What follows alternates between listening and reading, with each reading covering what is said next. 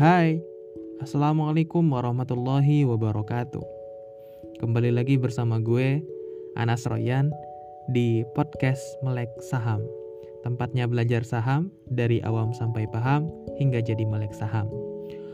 Oke, pada episode kali ini gue pengen ngebahas mengenai keuntungan juga kerugian yang ada di dunia saham. Pada episode lalu, gue sempat menyinggung bahwa bertransaksi ataupun berinvestasi di pasar modal, lebih khususnya di saham itu menguntungkan. Nah, pada episode kali ini gue pengen ngebahas lebih lanjut mengenai keuntungan juga kerugian yang ada di dunia saham. Apa aja itu? Yang pertama kita bahas dulu dari sisi keuntungan. Jadi, keuntungan yang bakal dapet lu rasain ketika jadi seorang investor di dunia saham adalah ada dua. Pertama itu ada yang namanya dividen. Yang kedua itu ada yang namanya capital gain. Nah, dividen dividen itu artinya keuntungan perusahaan. Itu. Jadi misalkan nih, misalkan lu punya sahamnya Unilever Indonesia.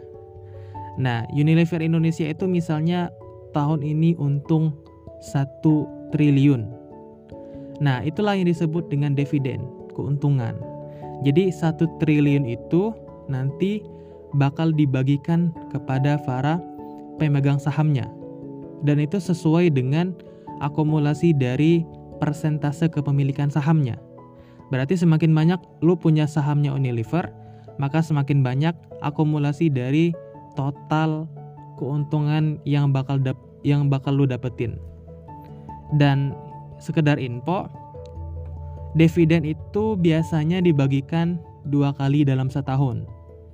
Tergantung dari perusahaannya, ada satu kali, ada dua kali. Dan umumnya, kalau untuk perusahaan Unilever Indonesia sendiri, itu keuntungannya ataupun bagi dividennya dua kali dalam setahun. Dan yang mencengangkan lagi adalah perusahaan Unilever Indonesia ini adalah salah satu perusahaan yang membagikan total keuntungan dividennya itu 100%.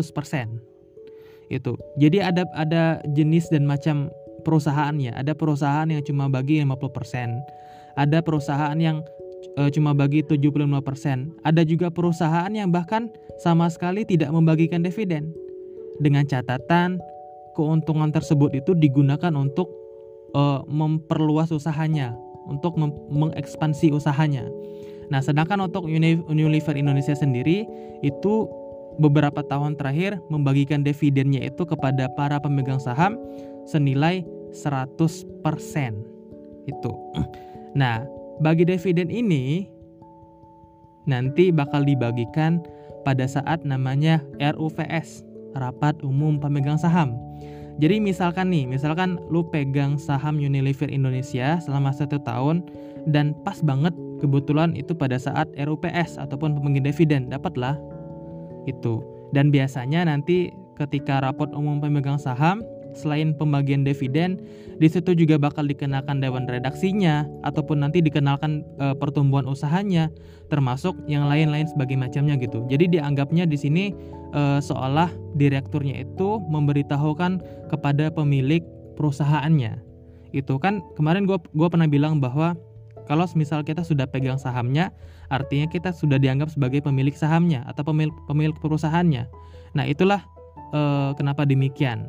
Dan biasanya kalau misal kita ikut rapat umum pemegang saham, nanti di situ bakal dapat e, goodie bag atau mungkin bakal dapat merchandise dan itu macam-macam. Itu dan khususnya kalau misal lu bikin ataupun lu ngikut ROPS-nya Unilever, ya kemungkinan besar nanti bakal dapat goodie bag yang isinya itu produk-produk dari Unilever. Macam-macam lah. Ada mungkin pasta gigi atau mungkin bahkan makanan, perawatan, skincare dan segala macamnya gitu. Itu dari yang pertama. Jadi gue ulangin, keuntungan dari pasar modal itu yang pertama adalah dari dividen. Nah, yang kedua, keuntungan dari pasar modal itu adalah